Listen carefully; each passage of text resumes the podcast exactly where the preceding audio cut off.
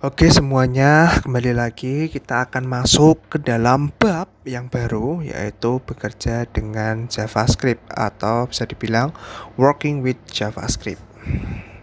Mix menyediakan beberapa fitur untuk membantu kita dalam bekerja dengan file JavaScript milik kita. Seperti kompilasi ECMA script modern, bundling modul, minifikasi, dan penggabungan file JavaScript biasa. Bahkan lebih baik lagi, ini semua bekerja dengan cukup mulus tanpa memerlukan satu ons pun konfigurasi khusus, yaitu mix.js dalam kurung resource slash js slash app.js, petik public slash js. Dengan satu baris kode ini, kita sekarang dapat memanfaatkan sintak ECMS script terbaru, modul, dan juga minifikasi untuk lingkaran produksi.